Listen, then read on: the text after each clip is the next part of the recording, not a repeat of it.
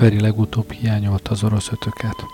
Hát most megkapta, Muszorszki az orosz ötök tagja volt, és az egyik legjobb művét hallottuk most az Éjakopár hegyent. Szerintem egészen fantasztikus. Most viszont ö, olyan jön, aki még romantikusnak is csak jó indulattal mondható. Hacsatúrián már 20. századi szerző igazából, de nagy nacionalista volt, örmény nemzetiségére büszke, ugyanakkor vadkommunista.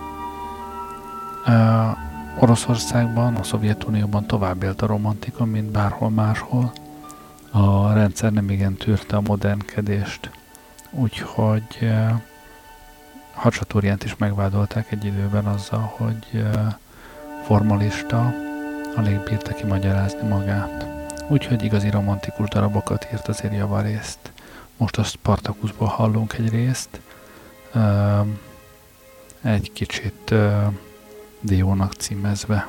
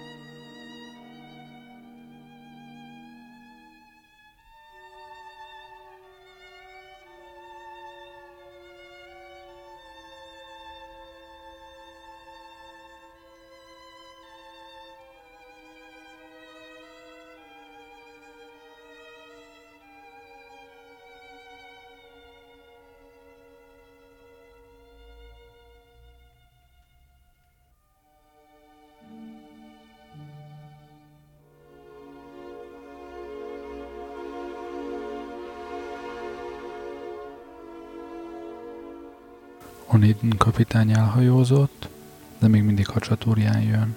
Lezginka, egy azeri tánc